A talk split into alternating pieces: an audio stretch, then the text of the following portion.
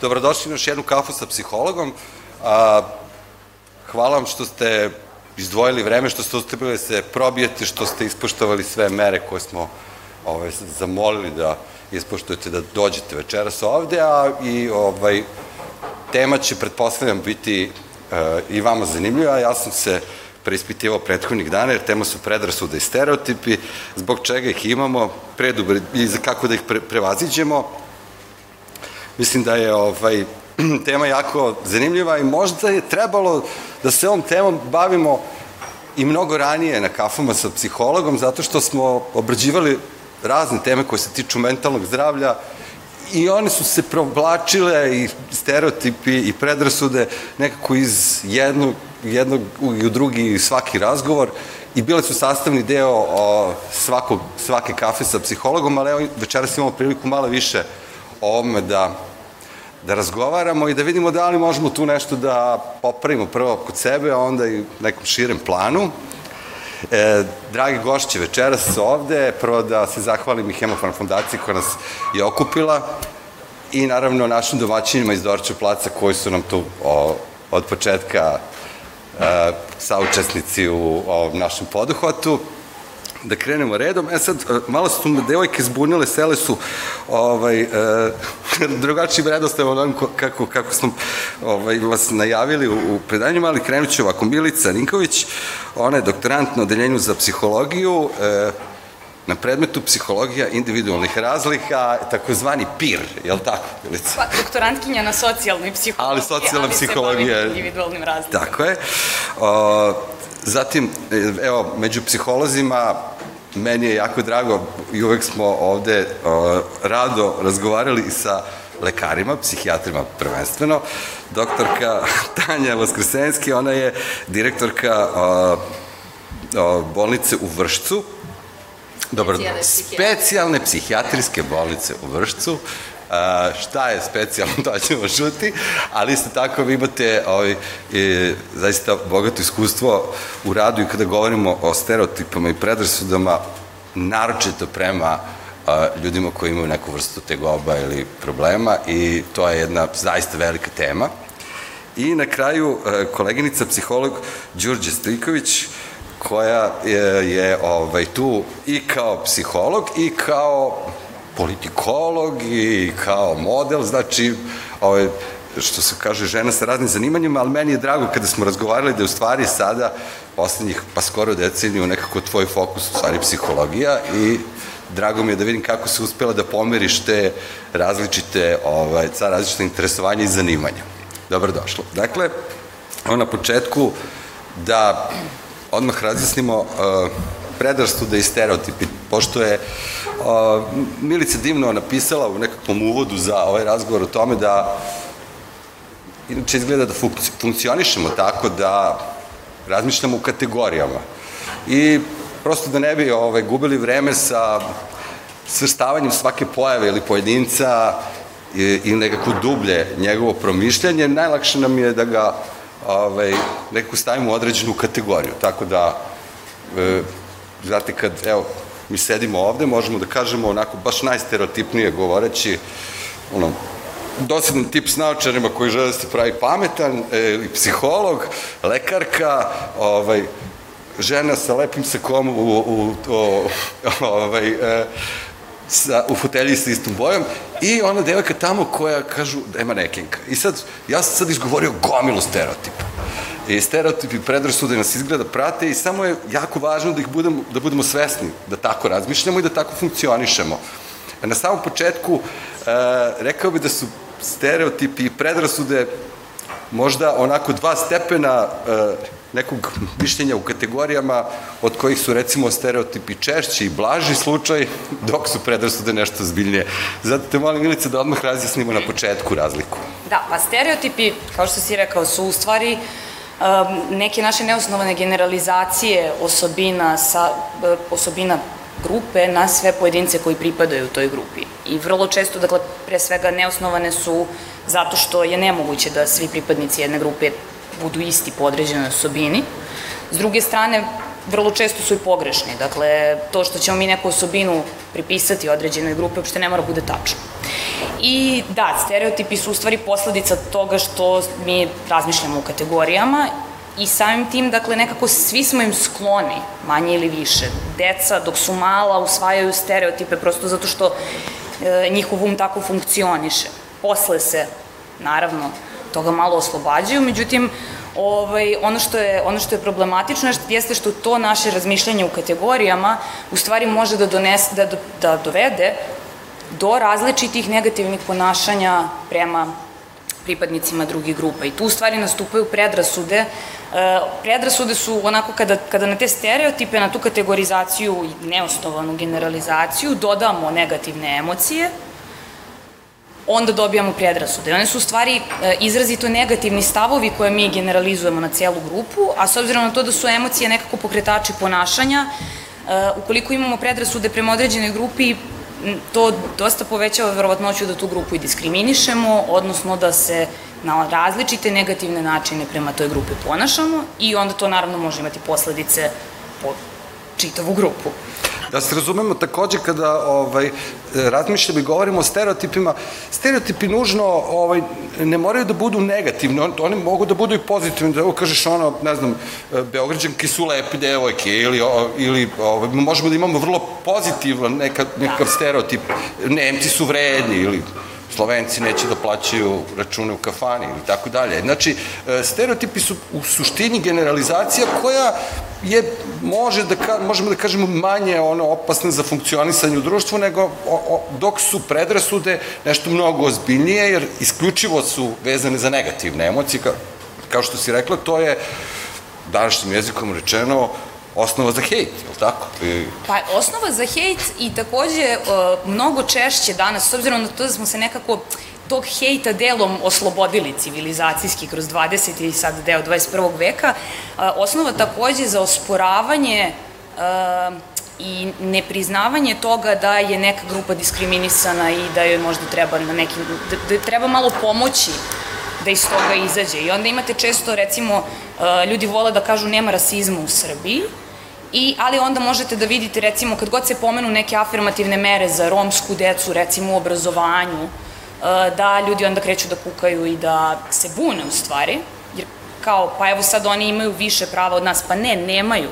Ovim pokušavamo da im, ovim pokušavamo u stvari da ih dovedemo na, e, da, da, da, da, da, da im pomognemo da se uh, u društvu pozicioniraju no, ravnopravne osnovi. Tako je, da. iako su, dakle, po ustavu i svim zakonima potpuno ravnopravni nama. Tako da, predrasude u stvari mogu da, da nas, ne, ne samo što nas teru, teraju da hejtujemo, nego mogu i da nas, u stvari, um, da nam ne dopuste, da nas spriječe, da primetimo da je određena grupa diskriminisana. Znači, menjaju našu percepciju sveta društva, apsolutno.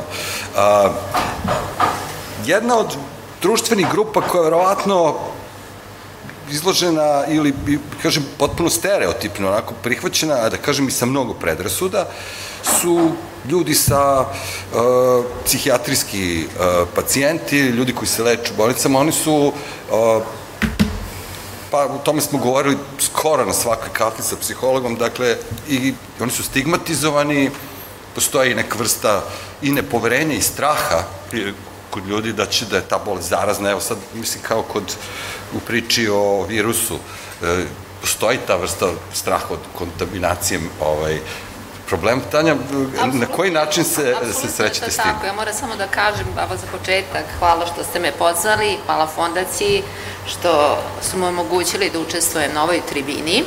Ja dolazim iz jedne od najvećih psihijatrijskih bolnica u Srbiji, koja trenutno na smeštu i na lečenju ima više od 700 pacijenata. Tako da ja bih pre svega govorila sa nekog praktičnog aspekta kako društvo, kako neduševno obolela lica i lica koje nemaju mentalne smetnje doživljavaju, kakvu percepciju imaju i kakve su to posledice e, kod osoba koji imaju mentalne smetnje. E, osobe sa mentalne smetnja mogu imati anksiozni poremeći, mogu imati depresivni poremeći, mogu imati bipolarni, mogu biti duševno obolela lica, odnosno imaju najteže poremeće kao što su psihoze. Ali, Percepcija našeg društva, to je ta negativna predrasuda, da su osobe koje uđu u veliku psihijatrijsku bolnicu odmah obeležene. Zašto? Zato što mi njih da, doživljavamo. Prvo ih ne razumemo. Oni su za nas nerazumljivi. E, e, oni su za nas e, opasni. Oni su e, osobe e, od kojih treba napraviti distancu.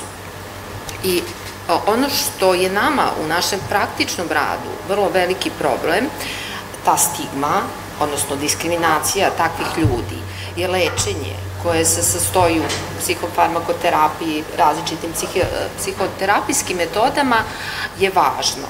Ali prihvatanje društva je isto toliko važno i omogućavanje tim ljudima da se vrate u neke normalne životne tokove, da nađu svog bračnog partnera, osnovi e, bračnu zajednicu, da žive, da budu zaposleni, ono što je njima e, prevashodno zbog samopouzdanja važno, da bude ljudi koji mogu da budu unapređeni u svom poslu, Pa do najobičnijih stvari da iznemite stan i da ovaj, budete prisutni na nekoj manifestaciji je vrlo veliki problem kada e, naše društvo ima percepciju da je neko duševno oboleo lice. Tako da hoću da kažem, e, ta predrasuda, stigma je prisutna svuda u svetu, opšte poznat fenomen, koliko i mentalni poremećaj, stigma postoji od kada postoji i mentalni poremećaj. I svi naši pokušaj, da kažem, psihijatara koji smo delom stigmatizovani i mi kao ovaj, uh, de, uh, lekari, radimo sa takvom populacijom pacijenata ili s takvim uh, ljudima, pokušavali smo različitim, da kažem, edukacijama, tribinama, protestima, pojavljivanjima u medijima da tu stigmu i ta, te predrasude umanjimo.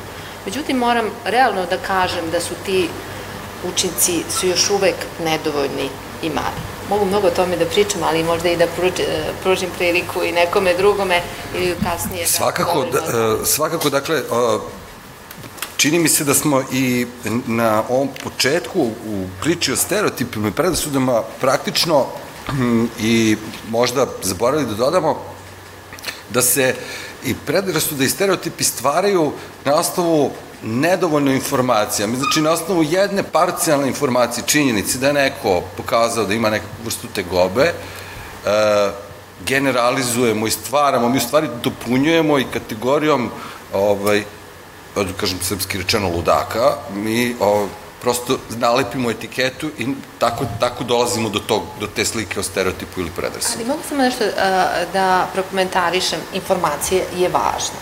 Ali uh, u kontekstu osoba sa mentalnim poremećima i e, informacije koje se sti, tiču recimo neurobiologija značajno uznapredovalo. Mi danas mnogo toga znamo o nastanku mentalnih poremećaja, o znači neurotransmiterima, o svim drugim faktorima koji utiču.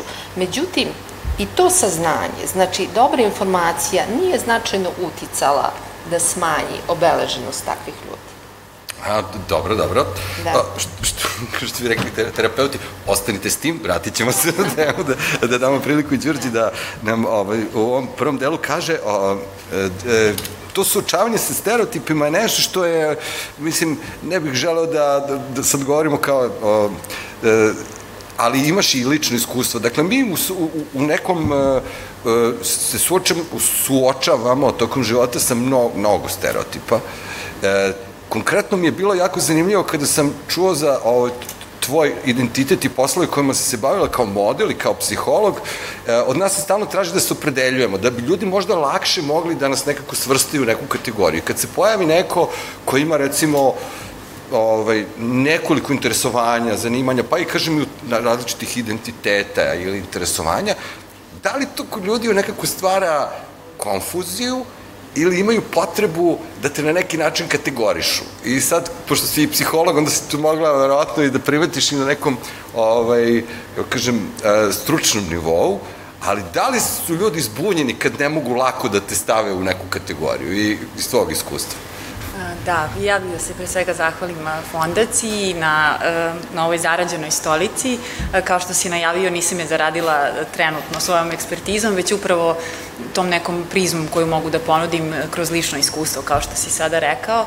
Pa upravo kao što je koleginica Milica rekla, mislim da ljudi uopšte nisu u konfuziji, da nemaju nikakvu kognitivnu neugodu, jer su me oni već odavno stavili u određenu kategoriju i jako su redki ljudi koji će uopšte dozvoliti neki nivo zapitanosti o mom trenutnom statusu. Zapravo, za ljude koji su me upoznali pre 10 godina sam ja manekenka i dan danas kada me sretnu su fazonu, je, ti si dalje u Njujorku, kako je tamo, našto ja odgovorim super, da COVID isto kao i ovde, dok ljudi koji me poznaju u poslednjih 5-6 godina, od kada sam prvo bila student psihologija, sada i psiholog, nekako ni ne poznaju taj moj deo života i ne mogu takođe da pojme taj neki dodatni identitet, što naravno ne uzimam za zlo, već samo govori o ovome što je koleginica na početku govorila, dakle, mi smo bića koja teže da kategorizuju, pojednostave realnost, a to što ja ponekad imam problem sa tim da se svedem samo na jednu stvar je neka moja lična tema i naravno, mislim, jeste priča o kojoj ja mogu da govorim, jeste mesto, na kraju krajeva zbog toga sam večeras i ovde. Uh, kada smo govorili o uh, predrasudama i, i o stereotipima, uh, da li postoji način ili da li postoje načini da se sa njima suočimo prvo na tom individualnom ličnom nivou, a onda i na nekom ovaj, kažem, širem nivou kao društvo. Evo, ja sam napravio, razmišljajući o ovom večerašnjem razgovoru, razgovarao sam sa uh, tinejdžerima i malo starijim tinejdžerima i pitao sam ih, dobro, ovaj, pošto su zainteresovani za temu, da li mogu da se sete nekog stereotipa s kojom su suočili u životu i na koji način su uspeli da prevaziđu taj stereotip. I sad recimo klasična situacija na, u Beogradu jeste da dođete recimo u srednju školu iz jednog dela Beograda u drugi. I recimo ako ste došli s Novog Beograda, mlađi sin mi je rekao da kad je došao na Vračar, ili kako on kaže Vračar Historical, malo su ga gledali i rekli kao, u, ovo je s Novog Beograda, mora da je neki taf. I kaže, namerno sam sedam dana tako nisam se baš nešto previše otvarao da, da bih ovo malo video kako će da reaguju ljudi prema meni, ali uobičajena slika je ako si ti s dolazi neko s Novog Beograda, znači on možda ima onako, možda će da te mlatne ako ga iznerviraš ili ovaj, sigurno možda malo manje novca imaju roditelji nego ovi, i to su, ne, deca fantastično mogu da odrede kategorije. I naravno, stereotipi se ruše onda kad nekog lično upoznamo. I o tome sam hteo da čujemo tebi, Milice. Dakle, prvo ajde da krenemo od nekog individualnog nivoa, našeg ličnog iskustva, na koji način se suočavamo sa sobstvenim stereotipima i da probamo da ih ovaj, promenimo. Da, da, to svakako, dakle, kad nekoga upoznamo, pa posebno još onda ako je taj dojam koji steknemo o toj osobi pozitivan, to mnogo može da doprinese tome da se u stvari oslobodimo, ne, ne da se oslobodimo u potpunosti, ali da malo razlabavimo taj stereotip, da kažemo pa dobro, ono, kao, možda jesu, možda jeste većina Novobeograđana ovakva, ali evo ovaj nije, a onda, onda time u stvari dopuštamo da nisu svi takvi i ta generalizacija se nekako smanjuje se. Ove, ovaj, e, međutim, sad taj kontakt je, e, kontakt je samo jedna, i to upoznavanje je samo jedan od načina na koje možemo da se donekle rešimo stereotipa. Um, nekako, meni se čini i i životno, a iz onoga što pokazuje, što pokazuju psihološka istraživanja, da u stvari jedan od, e, jedna od najlekovitijih stvari da, za, da zapravo konstantno preispitujemo to što, da, li je to što smo sad određene kategorije pa samim tim i njenim pripadnicima pripisali, da li je to tačno i zašto nije tačno. A, tako da, u stvari, recimo, ako, ako razmislimo, ok,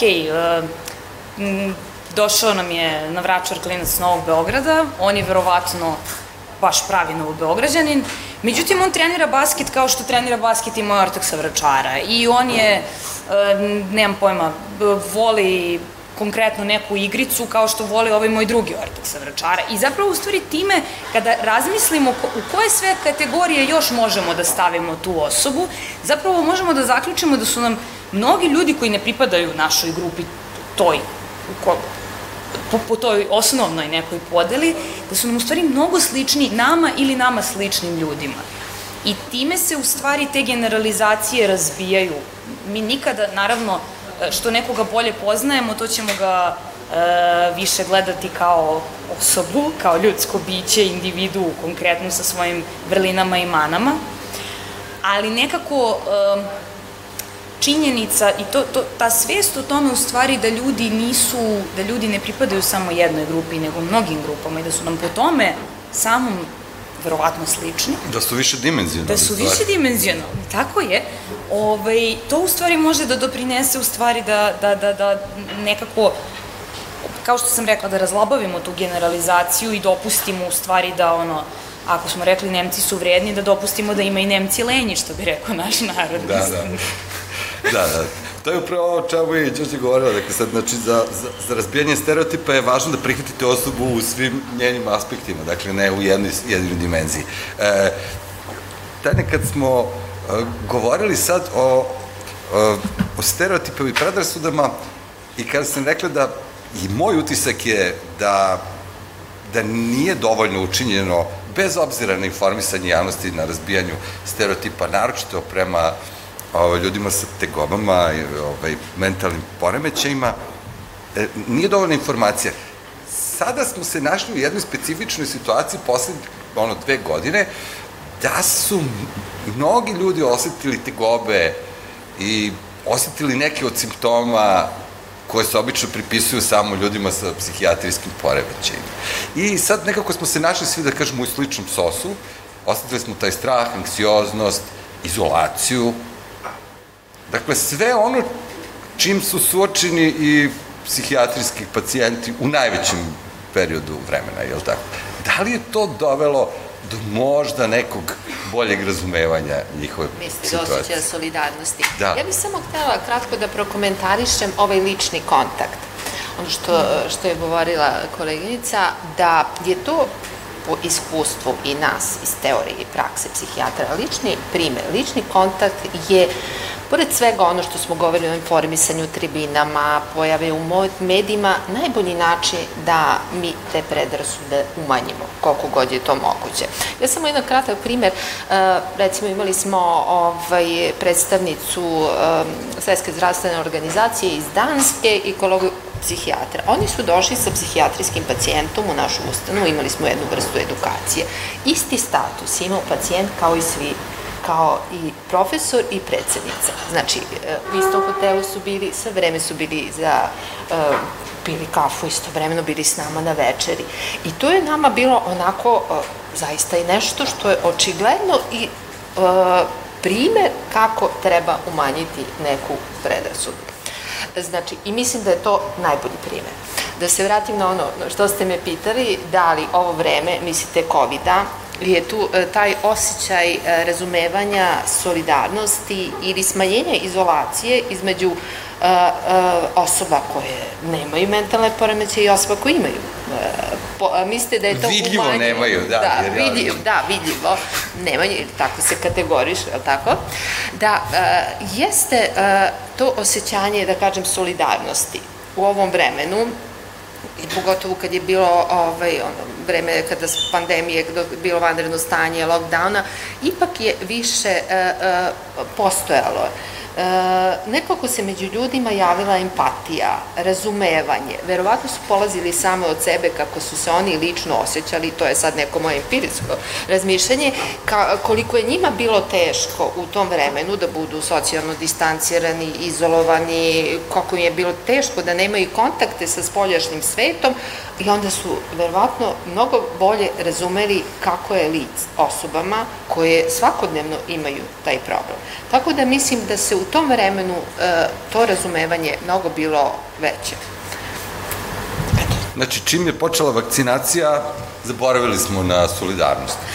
Pa dobro, tu su počele podele. Tu su ponovo počele podele. da, tu su počele podele i, i razne druge teorije, da.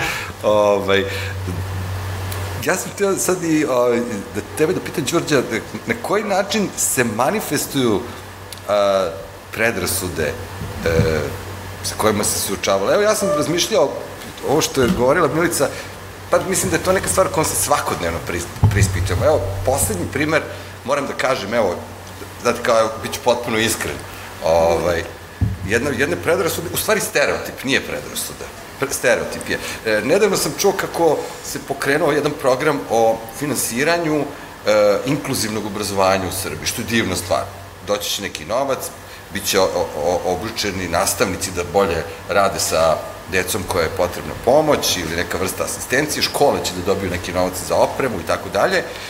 I onda sam ovaj, video nekoliko primera škola u kojima dobro funkcioniše inkluzija. Znači, to je potrebno pokazalo se tokom godina da je potrebno da u školskoj upravi postoje ljudi koji imaju osjećaj i neku vrstu senzibiliteta i senzitizovanih da budu za taj problem i onda ta škola lakše prolazi kroz sistem inkluzije. Vrlo slična situacija kao stigma prema ovaj, pacijentima ovaj, u psihijatrijskim bolnicama. Jedan, jedan od najboljih primera u Beogradu je druga ekonomska škola, čiji je direktor futbolski sudija Nedić, koji je jedan od mojih omiljenih likova na televizijskom ovaj, prenosima utakmica, koji čovjek onako komentariše suđenje. On je onako jedan čovjek iz naroda koji je shvatio tu situaciju i ja sam rekao, kakvu sam predrasudu imao prema čoveku, jer mi izgledao malo, onako, ajde kažem, onako, kao jedan srpski domaćin, onako malo siram, on je čovjek koji je valjda najbolje razumeo i rekao, kad god je onako onim svojim glasom, kad god imamo neku priredbu, treba da vodi dete koje je iz inkluzije, treba da se pomogne i roditeljima i on je to shvatio kao jedan onako zaštitnički odnos prema toj deci i želeo ih da ih afirmiše i dovede u ravnopravnu poziciju, upravo ovo o čemu ste govorili s psihijatrijskim bolesnicima i stručnicima. I moram priznati da sam se uveo za jezik i rekao sebi, jedan stereotip koji sam imao, znate, o ljudima koji se bave futbalom, ili futbolskim sudijima, ne bi baš očekivao da imaju veliko razumevanje prema inkluzivnom obrazovanju. Moj problem. Znači, osetio sam kod sebe da sam se tu onako mentalno I zaleteo. ste tu. Naravno, jedno čekam da, da ono, dobijem priliku da mu čestitam da ga vidim. Sledeći put kada vidite sad, samo, studiju, odmah Tako je, da, da pomislimo i na takav da, način. Da. Sad govorim o tome, Đuže, na koji način se, recimo, danas uh, možeš naći ili osetiti tu vrstu predrasude kad kažeš, ok, ja, mene zanima nešto još osim ono modelinga, da li ovaj, da li ljudi onako to gledaju onda s podozrenjem ili kako je izgledala ta vrsta ako si osetila? Pa da, mislim, prvo ne bih uh, volela da ni u jednom trenutku iko pomisli da se stavljamo u istu grupu sa najranjivijim grupama o kojima ovde i pričamo. Znači, koleginica Milica je pričala o Romima, uh, govorimo o pacijentima koji koriste usluge mentalnog zdravlja. Moja priča nije toliko dramatična i teška i zaista mi je žao što umesto mene ili bar pored mene ne sedi neko od pripadnika, ajde da kažemo, te grupe. Sad, da li bi ih to dodatno kategorizovalo, da, ali u svrhu da nam se približi cela ova ideja, ali verujem, mislim, znam da na ovim tribinama generalno oni, i do, ne oni, ali da ljudi sa različitim dimenzijama postojanja dolaze, tako da tako i prihvatam današnje ovo svoje postojanje. Ja sam bila izložena i naravno i stereotipima i predrasudama, ali upravo je um, taj neki deo mesta na kojima sam bila najranjivija, tada sam to najviše i primećivala. Naprimer, um, putujući po svetu tih deseta godina koliko sam se bavila modelingom, jako bi bilo teško da neki posao ne dobijem zbog nekog užasno podozrivosti zato što sam iz Srbije, zato što sam agresorka, neko ko je počinio genocid, neko ko pripada takvom narodu. Mislim, to je za jednu mladu osobu koja je toliko otvorena ka svetu i koja teži da se, na primjer, njemu prepusti i uživa i dobije i nauči od njega, na kraju krajeva možda promeni čak i razne neke druge mane koje ima, dobija tu jednu vrstu zabrane, blokade na, na svoje postojanje u određenom delu društva, jer je iz Srbije.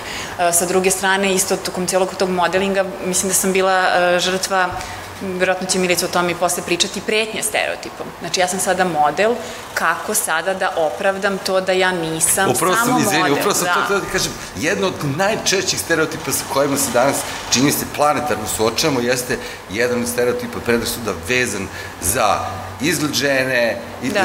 Pojam lepote. Da, možda je u manekenkama što, to što... najviše kristalizovano, jer one su pre svega žene. Znači, to su žene koje su slabije motorički, verbalno dominantne, ali na loš način, vrlo su, dakle, brbljive, lepe, površne, bitno im je samo kako se predstavljaju u tom nekom javnom, površnom svetu.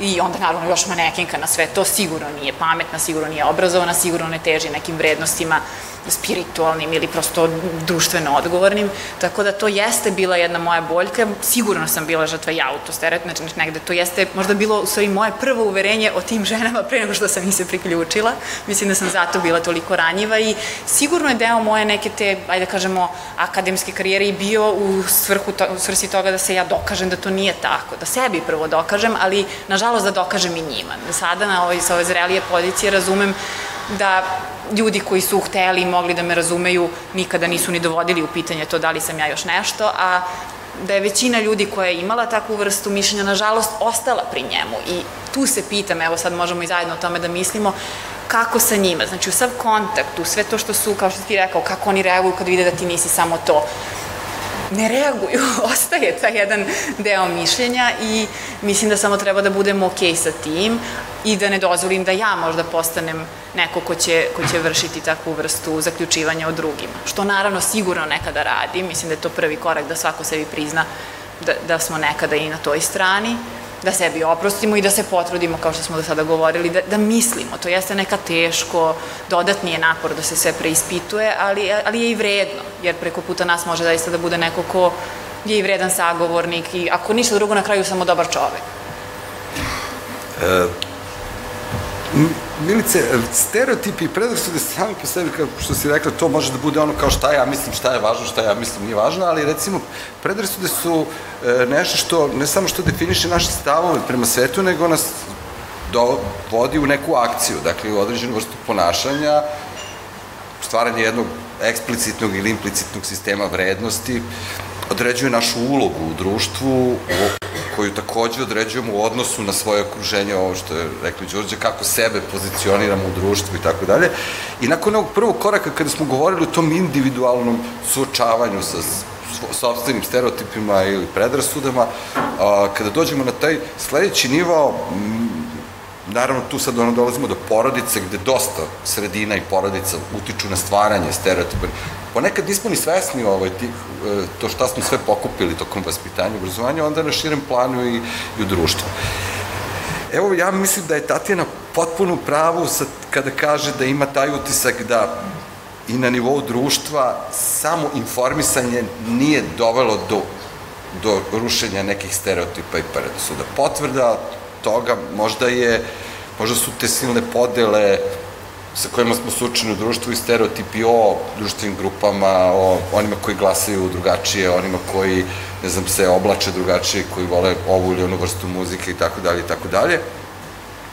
Šta bi onda bio, da, šta je ono što funkcioniše ili što se pokazalo kao možda put za za borbu protiv predrasuda ili stereotipa na širem planu.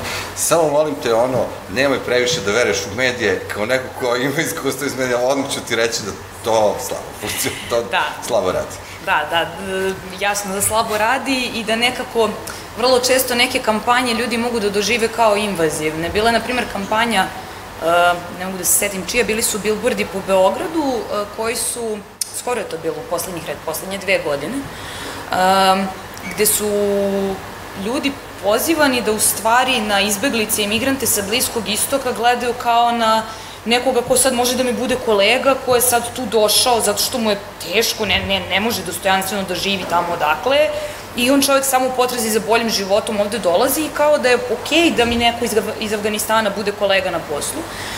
E, ja sam primetila sad ponovo, dakle, ono, po nekim komentarima na društvenim mrežama i tako da tu postoji u stvari ogroman otpor ljudi.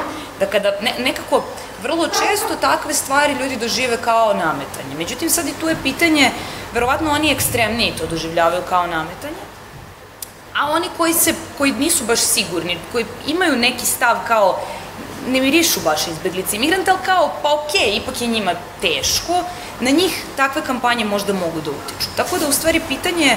Uh, pitanje je kako da utičemo na ljude, zapravo u stvari uh, odgovor je poprilično kompleksan, zato što u zavisnosti od toga koliko, koliko je jako ukorenjen taj stav kod nekoga, mi ćemo ga lakše ili teže poljuljati. Ono što dodatno do, do, doprinosi problemu tu, odnosno što nam otežava da na neki način promenimo stav, jeste činjenica da ponovo samo, samo zbog toga na koji način radi naš mozak, e, smo e, užasno skloni da ono što je u skladu sa nekim našim inicijalnim stereotipnim uverenjem, da to prihvatimo, a ono što nije u skladu sa tim da potpuno odbacimo i da ostanemo gluvi na te, e, na te informacije. E, tako da, dakle, informisanje jeste delom e, važno, Ono što je takođe važno je taj lični kontakt, koji ponovo neće svako da ostvari. Neki ljudi su, neki ljudi će samo odbiti da imaju lični kontakt sa pripadnicima drugih grupa, ali i generalno podizanje svesti o tome da određena grupa sad treba da ima jednaka prava, treba, treba da se prema njima ponašamo kao prema ljudima. E, meni se, e, ono što sigurno nije dobro jeste ono što bi, što bi se na engleskom zvalo colorblind pristup, a to je hajde da se pravimo da grupe ne postoji. I to je u stvari ono što je užasno važno da, da, da, da svi budemo svesni činjenice da smo vrlo često i mi sami stereotipizirani ili smo uh, meta nečijih predrasuda zato što pripadamo određenoj grupi. I, i da to što nas sad, na primer, evo ne znam, postoji, dakle, postoji gomila rodnih stereotipa i prema jednom i prema drugom polu, odnosno rodu, um, ako, mi, ako ja osvestim da sad zato što neko misli da ja kao žena nisam dovoljno kompetentna, pa mi zato ne da posao, nego da ga da muškarcu koji ima iste kvalifikacije kao ja, Svest o tome da je to možda posledica te naše razlike samo u grupnoj pripadnosti, će mene sačuvati od toga da to odbijanje poslodavca pripišem svoje nesposobnosti, svojim, ne znam, nižim kvalifikacijama, kompetencama i tako to. Tako da, u stvari, je, e, veoma je važno da e, tu podelu, podelu, odnosno činjenicu da je svet na neki način organizovan prema po kategorijama, važno je da je ne izgubimo iz vida, važno je da budemo svesni da smo vrlo, da, da vrlo često je neko samo zbog svoje grupne pripadnosti na neki način diskreditovan. I da ne pokušavamo, a čini mi se da ponekad, ponekad se i u nekim kampanjama to pokušava, da kao hajde da sad izbrišemo to sve. Ne možemo da ga izbrišemo, prosto mi, em što ne možemo na taj način da razmišljamo, em što to dugoročno ne može da ima da ima pozitivne posledice. I sad ono samo što bih dodala je, a to je ono što sam i na početku pomenula, e, konstantno preispitivanje i konstantna svest u tome da neko pripada jednoj grupi, ali i mnogim drugim grupama prema kojima mi nemamo predrasude i ima neke kvalitete koji su, koji ga čine to dobrim čovekom, pametnim, ovakvim, onakvim, dakle, to se pokazalo u stvari i, i, i u psihološkim istraživanjima kao na neki način najlekovitije. Mm. Da, da, da. E, znači, ta vrsta pristupa ovaj, prevladavanju razlika. E, sad, e, psihijatrija je, ja sam o nekom zapamtio jednu priču još sa fakulteta o zlatnom dobu psihijatrije u Jugoslaviji, takozvane socijalne psihijatrije, koja je ovde bila sprovodena još u vreme te, kako danas gledamo, stara Jugoslavija, ona se zasnivala na tome, da kada smo dolazili recimo na praksu po Almutićevu, e, objašnjavali su nam da, da je to samo deo procesa rada sa ljudima koji imaju tegobe, da je jednako važno ta socijalna mreža koja se stvara u okruženju pacijenta u porodici, u tamo gde živi, na njegovom radnom mestu, I to je jedan britanski model, kako se sećam, koji je bio ovde primenjivan ovaj, upravo zato da bi se nekako izbeglo izolovanje čoveka i svođenje na to da on ide kao na remont kao automobil u bolnicu, da ga pustite iz bolnice i da će on sad nastaviti da funkcioniše savršeno kao da se ništa nije desilo. Čini mi se da se ta socijalna podrška i ta mreža zahvaljujući mnogim i tranziciji i promeni ovaj, izgubila e, i ovo kada danas govorimo o predrasudama i stereotipima, naročito prema mi se ponovo vraćamo na tu priču o podršci i ova kampanja koju radimo na Salomivi je manje više povratak na to da je potrebno ostvariti tu vrstu podrške prema tim ljudima. Eto, pošto je, da, apsolutno tako kako ste rekli, socijalna psihijatrija, deo psihijatrije je jako važan u rehabilitaciji naših pacijenata.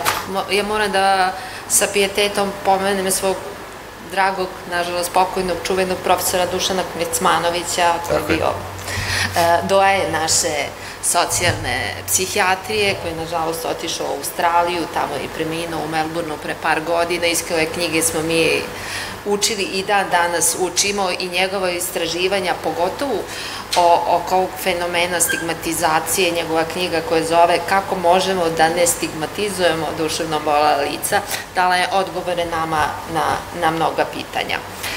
Ali uh, samo sam htela par reči da kažem, pošto smo govorili o medijima, i da kažem ono, uh, neko moje mišljenje, uh, vezano za o, o čemu govorimo, o stereotipima, predrasumadama i stigmatizaciji, nama su mediji jako važni da bi promovisali određene ideje, da bi bili dostupni društvu, awareness kampanje su nešto što mi stalno radimo, taj proces buđenja društvene svesti.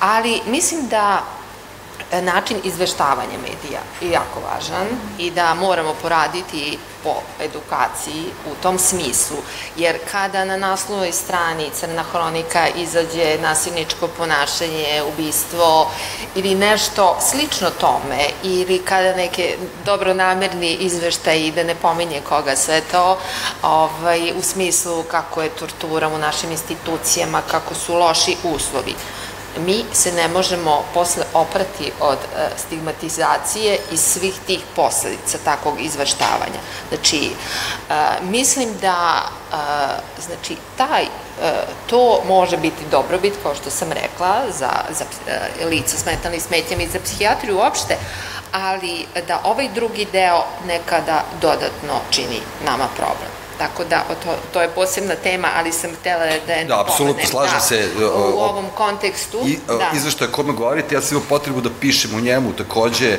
ovaj, zato što sam, znam u najvećem broju institucija sa kakvim entuzijazmom e, da. zaposleni rade i kako su vrlo često prepušteni e, od šire zajednice da je kao prepuštena briga o pacijentima ovaj, isključivo njima, da nemaju podršku i da tu onako vrlo lako zalepimo ovaj, neku etiketu, stvorimo stereotip o tome da je to neka ovaj, gde, gde zaključaju ljude i više tu kao pojede ih mrak.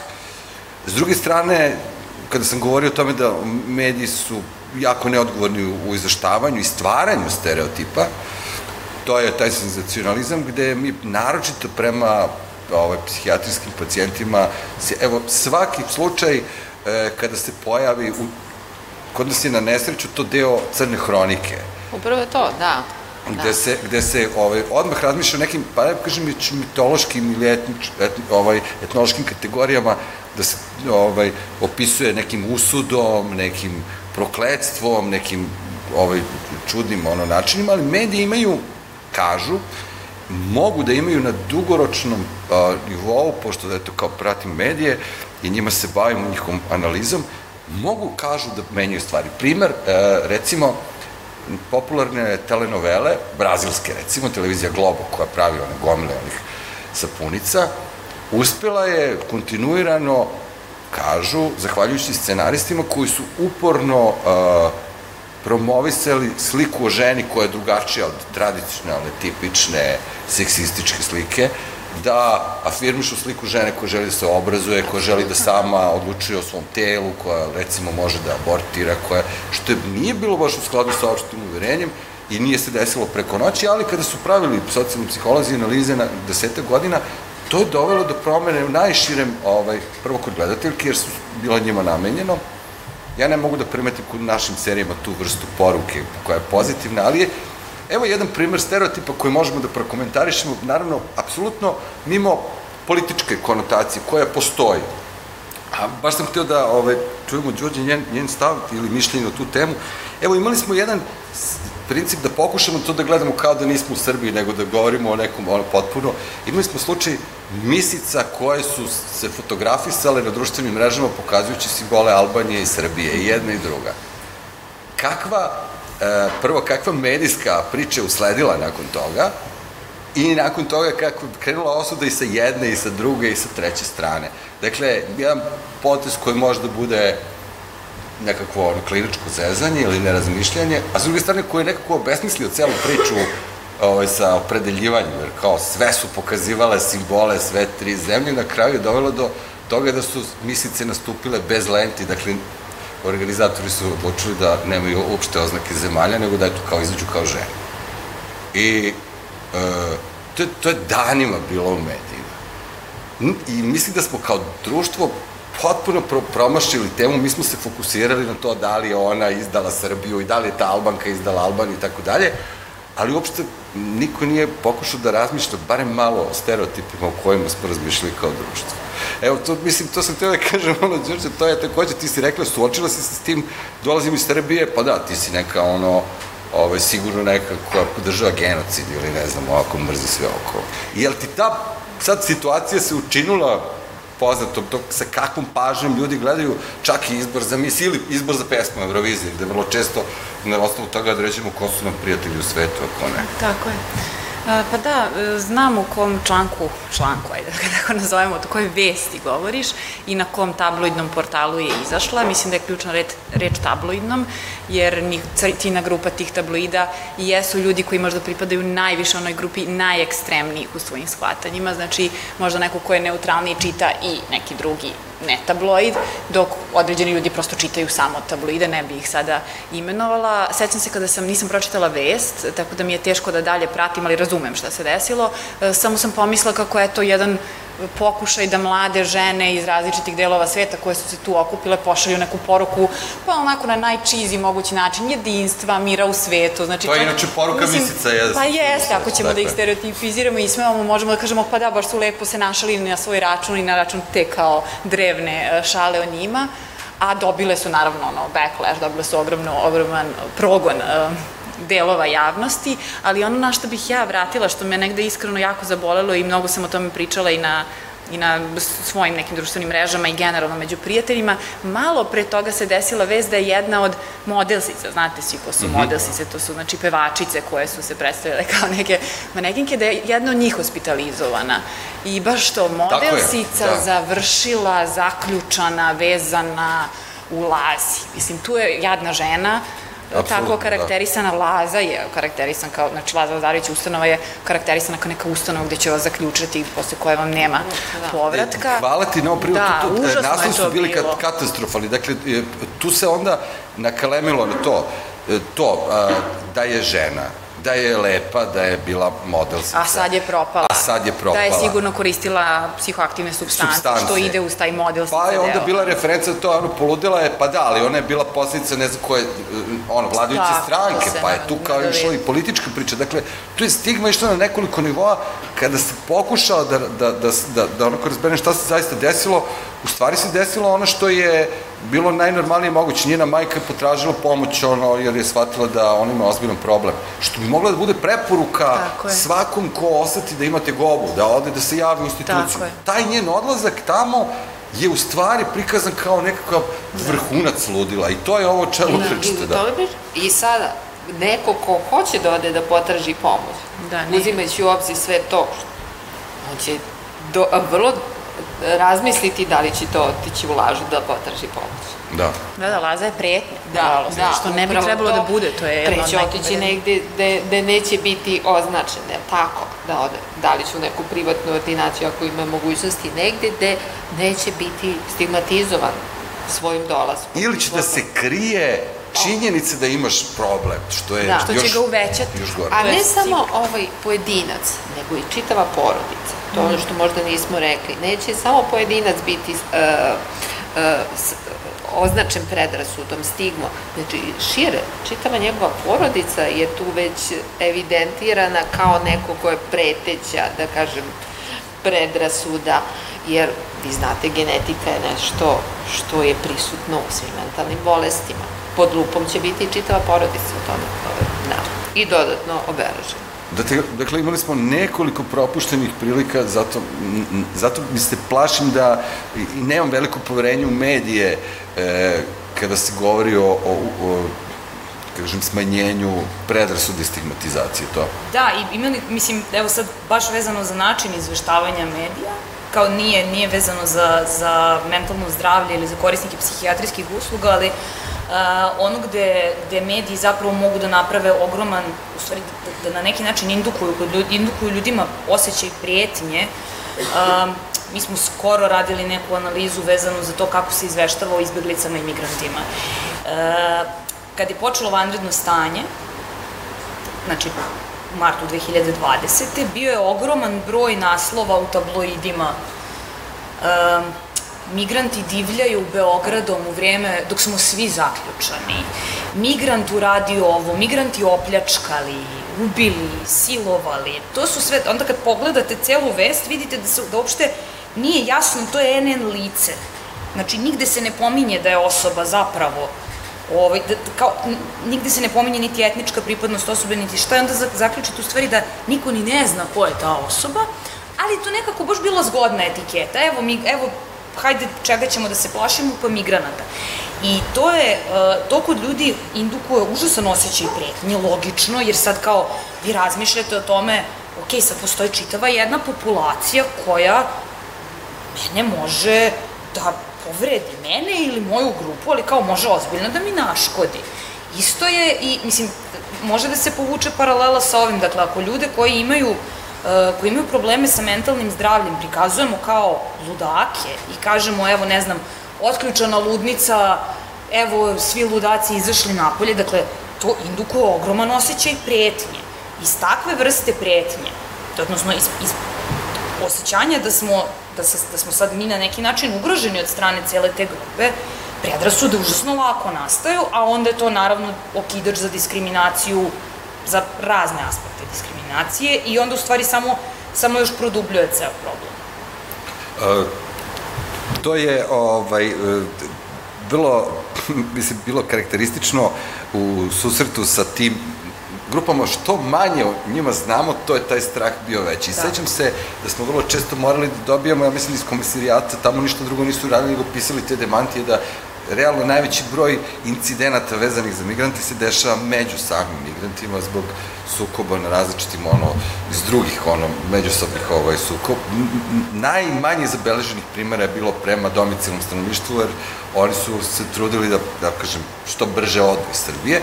Ali se sećam svedočenja tih kao opisa uplašenih, pa se onda napravi anketa na televiziji na tu temu i on kaže, znate, ja treba da prođem recimo pored ekonomskog fakulteta noću i nije mi sve jedno, vidim ljude tamne, puti, koji govore nepoznat, nerazumljiv drugi jezik, druga kultura i ta, taj strah postoji. I to je, čini mi se, bilo onako kao arhetipska slika straha od nekog nepoznatog. Još to je to, o kome apsolutno ništa ne znam. Jeste, s tim što je taj strah, znači trenutak kada ja prolazim pored grupe muškaraca koji ne govore moj jezik i ja ne znam da li oni trenutno razgovaraju o tome kako bi mogli da mi ukradu novčanik. Ajmo stereotipno ponovo, dakle, da mi ukradu novčanik ili da me napadnu. Um, taj strah nije potpuno neopravdan, za, upravo zato što postoji ogromna količina neznanja, dakle kao mi ne, navi, naviknuti smo da kao uh, znamo šta ljudi oko nas govore, pa samim tim ono, ako, ako govore o nama primetit ćemo to. Ovaj moment neznanja je veoma važan, ali ono što je takođe važno je zašto takva stvar ide u medije. Dakle, taj strah, to je neki strah sa kojim se mi intimno suočavamo ili ne suočavamo, ali nema razloga da se na taj način u medijima govori, zato što prosto postoji gomila drugih aspekata o kojima možemo da govorimo. A nekako mi se čini da je, baš u ovom kontekstu, to bilo veoma ciljano da bi se... Izazvao taj... Da bi se izazvao da, taj da. dodatni osjećaj pretnje, da se ona nekako nafilu. Jeste, da se dodatno poveća. Um, ovo je stvarno ovaj, priča u kojoj ja se plašim teško da ćemo moći da na kraju e, ispadnemo mnogo pametni da damo neko rešenje ili neki lek. Doktorka, pretpostavljam da je lek ovaj, nije baš pa, tu. Da svih ovih godina i mnogo godina se trudimo da i predrasude, stereotipe, stigmatizaciju da umanjimo. Ali upravo ovo što smo sve vreme i pričali, znači, da li informacija, da li mediji, da li kampanje, da li tribine, da li protesti, A e, neko moje stručno mišljenje i ono što sam imala prilike da iz istraživanja vidim da je lični kontakt, ono što smo na početku govorili, nešto što je najbolji primer da, da, da to umanji predrasudu ili stigmu, kako god. Možda nekim novim promišljanjem u smislu da vidimo šta sve e, dovodi do toga, znači što će sociolozi u svakom slučaju e, moći da, da nekim novim istraživanjima nama sugerišu, e, da nađemo nove modele za to. Ali u svakom slučaju mislim da trebamo raditi na tome da različitosti treba da postoje, da treba, ne trebamo ih eliminisati, nego treba ih prihvatiti i da to čine bogatstvo jednog društva i da trebamo naučiti da živimo sa tim. To je moje. Mislim da je to najlepši da. lek, da, da prihvatimo da. različitosti i da su stvari, da ih ne vidimo kao nešto što je, kao kažem, nešto što nas ograniča, ograniča i smanja, već nešto što nas ne čini bogatiji. Ne treba ih eliminisati, Naprotiv, treba naučiti da živimo sa Da, variety is the spice of life. Dakle, da, da, da, da. začnemo. Uh, Đorđa, da li ti, ovaj, kao što se menjaju stereotipi o lepoti, ono, kako je izgledala ženska lepota tokom vekova, da li možemo, mislim da kažemo da se na sličan način može menjati to prihvatanje ili odnos i prema ovaj, drugim stvarima i smislu ovom, da konkretno govorimo o prihvatanju drugačijeg ili drugog, pa da li on psihijatrijski pacijent, da li je migrant ili neko koga možda ne, ne razumemo ili smanjimo. E, ja mislim da je ovaj, da danas postoji nešto što možda uliva nadu, a to je da su e, žene koje se bavile recimo modelingom ili supermodeli ne, i, i uopšte postali nekom smislu i influenceri. Danas se znanje i poruke prenose i na taj način što na društvenim mrežama neko može da kaže da, ovaj, i to je se postao deo aktivnosti svih ljudi koji su e, influenceri, društvenim mrežama, neka politička neka, neko delovanje, pa ovaj, i poznati pevači, i pevačice, i modeli, i i glumci imaju potrebu da se izjašnjavaju. Koliko to može da utiče na, na, na promenu nekih stavova?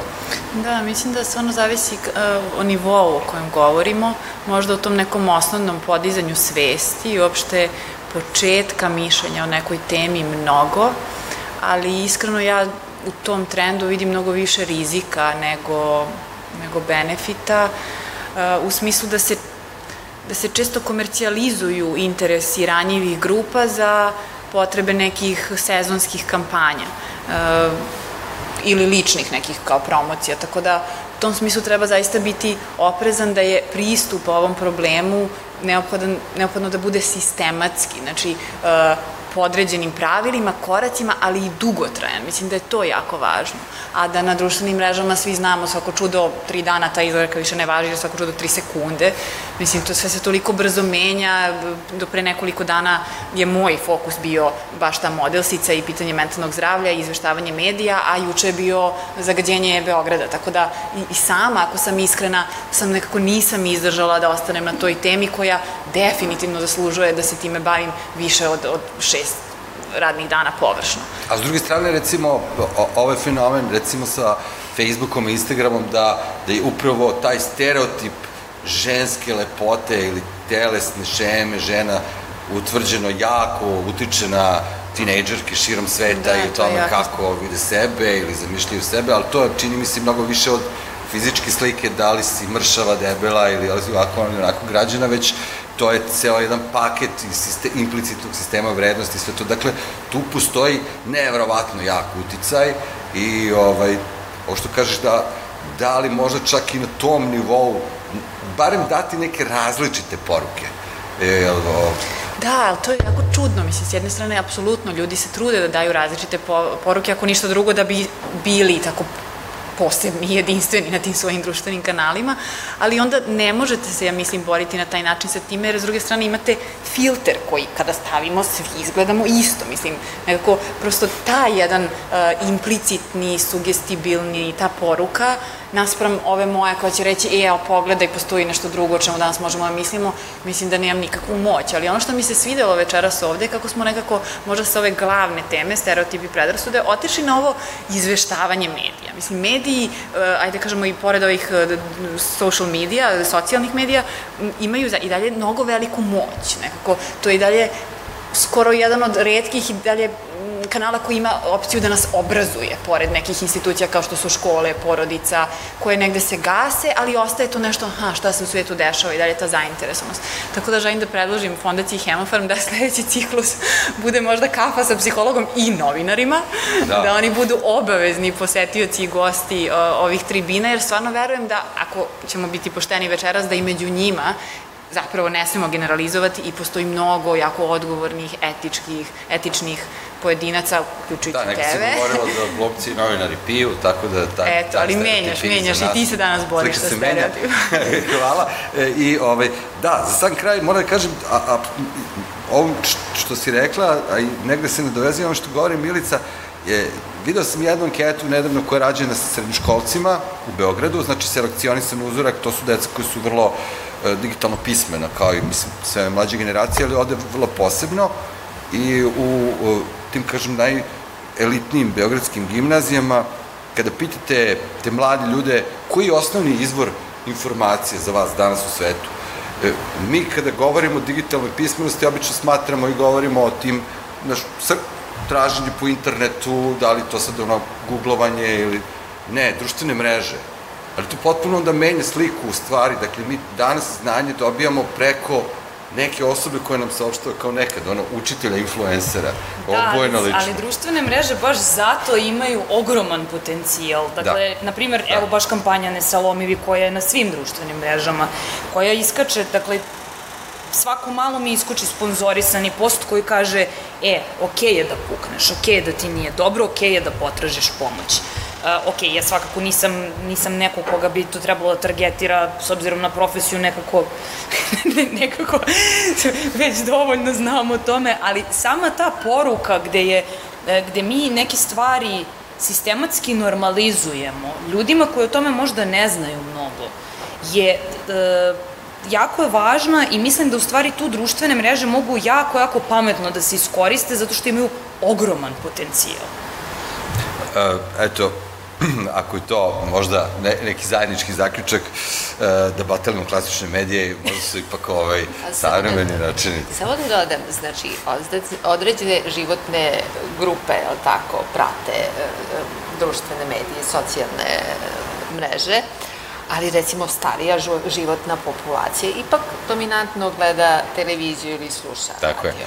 Tako da, znači, fokus ako budemo radili u nekom smislu ovaj, edukacije, informisanja, onda moramo voditi računa ono, i o tom životnom Nije se desilo ako nije bilo na televiziji, tako? Pa, tako je. Ipak ova starija populacija, uslovno rečeno, ovaj, da, odnosno starije životnog doba, mislim da dominantno ovaj, gleda TV medije. Pa evo da Milicu zamolim da kaže, ovaj, da li su predrasude i stereotipi, ako sam dobro razumeo, ovaj, rezervisani samo za o, manje ili više obrazovne, ja, ja sam potpuno siguran da stereotipi predrasude možete da nađete ono, u svim delovima društva čak i to, kako vi ste rekli, samo proklamuje eliti, ja sam najvećem frci da prepoznam ko, ko, jer svako za sebe misli, veliki broj ljudi misli za sebe da je elita, Jel to istraživanje pokazuje? E, da, u stvari ovo pre svega poka ukazuje na to da niko nije imun na stereotipe. Dakle, e, to je baš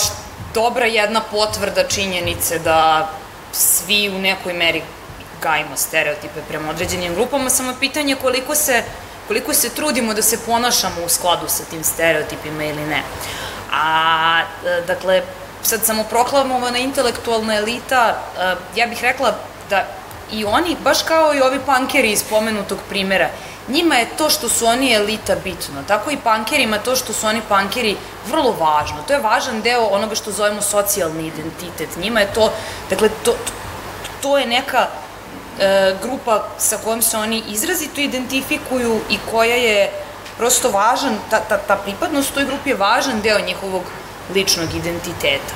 Samim tim će biti spremniji da ove koji su drugačiji na neki način odbacuju. odbacuju, diskriminišu i da se ponašaju u skladu sa stereotipima koje prema njima imaju. Dakle, niko nije imun na stereotipe niko. i predrasude, apsolutno ste u pravu. Pa u stvari jako malo uh, jako malo naše lične osobine utiču na to da li ćemo imati stereotipe ili predrasude, to jest jedno i drugo, i da li ćemo se u skladu sa njima ponašati. Uh, mnogo je važnije ovo što sam u stvari u odgovoru malo pre na pitanje pomenula, to je taj socijalni identitet. Što više grupa mi uključujemo u sobstveni socijalni identitet, odnosno sa što se više grupa identifikujemo na neki način, to će i naši stereotipi biti labaviji i bit ćemo, bit ćemo otvoreniji za različitosti i spremniji da prihvatimo druge, bez obzira na to što nam možda nisu, što, što se možda od nas razlikuju čak i po nekom nama bitnom aspektu. Ne postoji, ne postoji jedinstveno rešenje za to,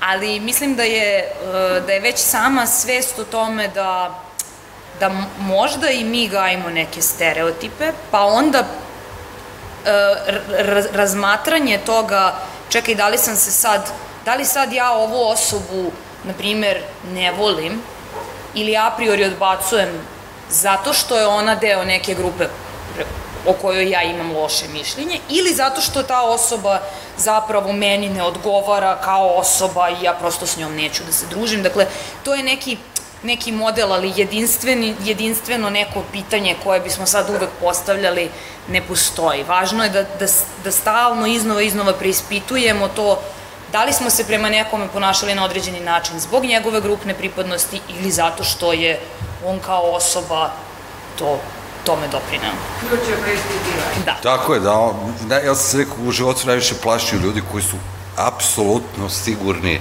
da su u pravo i da su, da je to šta misle o nekom jedino tačno. E, evo, da iskoristim e, primer koji smo čuli danas, a recimo jedna od naj kategorija prema kojoj je najveća socijalna distanca, kako to kažu psiholozi, prema kojima smo nekako naj, to su recimo migranti. Najbolji primer koji sam ja video kod nas u medijima jeste, o, jesu slučajevi kada su neka od dece bila unutar školskog sistema u Srbiji, kada su deca u školi imala priliku da idu u razred sa decom, u ovom slučaju su to bila deca migranti, e, i e, s druge strane, to znači inkluziju u onom smislu dece i socijalno ugroženih kategorija Romi. E, u nekim školama, e, kada vidite da su ta deca deo odeljenja i ako imate senzibilisane nastavnike koji su u stanju da pokrenu i kod dece razviju empatiju i osetljivost, ja iz ličnog primjera kao roditelj mogu da kažem, mi već na nivou obdaništa bilo je dece sa oštećenim sluhom koja su postala deo, znate kako se prepoznalo da je dete postalo deo kolektiva? Kad počnu da ga zovu na rođendan, a do taga nisu zvali. Ili kada romsko dete dođe na rođendan e, u osnovnoj školi i kada, recimo, sam bio srećan kad sam vidio da u pismenim sastavima u drugom ili trećem razredu na temu neko bez koga ne mogu da zamislim moje odeljenje, u razredu mog sina od, ne znam, 25 učenika, 20 piše o drugarici Dragani koja je živela u jednom romskom nasilju u Novom Beogradu. Znači, tu je učiteljica uradila dobar posao. Ima naravno bezbroj primjera da to nije bilo tako, gde su ta deca getoizirana, Znate, na, postoje škole koje zovu ciganska škola, gde recimo tamo idu samo romska deca i ne mešaju se. Tako da je to odlično pitanje i formalno odluke našeg obrazovnih sistema jesu takve, ali u kojoj meri su još nastavnici spremni da to zaista sprovedu iz različitih razloga, uglavnom se sve svodi na entuzijazam i motivaciju prosvetnih radnika. Postoji zakon, postoje propisi, ali koliko su oni spremni da se angažu kao i u nekim drugim situacijama. Po meni i na građanskom i na verskom obrazovanju bi ta tema bila u stvari potrebna i u jednom i u drugom slučaju, ali već sama činjenica da vi deci od osnovne škole u prvog razreda terate da se podele na one koji idu na versku ili na građansko kao da je nespojivo da budete građanin i vernik, što je bizarno i gre pogrešno, duboko pogrešno. I ovaj, eto, ta, to je recimo prvi korak, vi kad ste rekli nastavi psihologija, ja mislim da je ovo tema već za prvi razred osnovne škole, dakle, kroz celo obrazovanje, ako ne i ranije u prečkolskom uzrastu. Te teme jesu deo kurikuluma građanskog jesu. vaspitanja. Formalno jesu, da. Ali formalno pitanje na koji način se sprovode u da, delu. Da, da.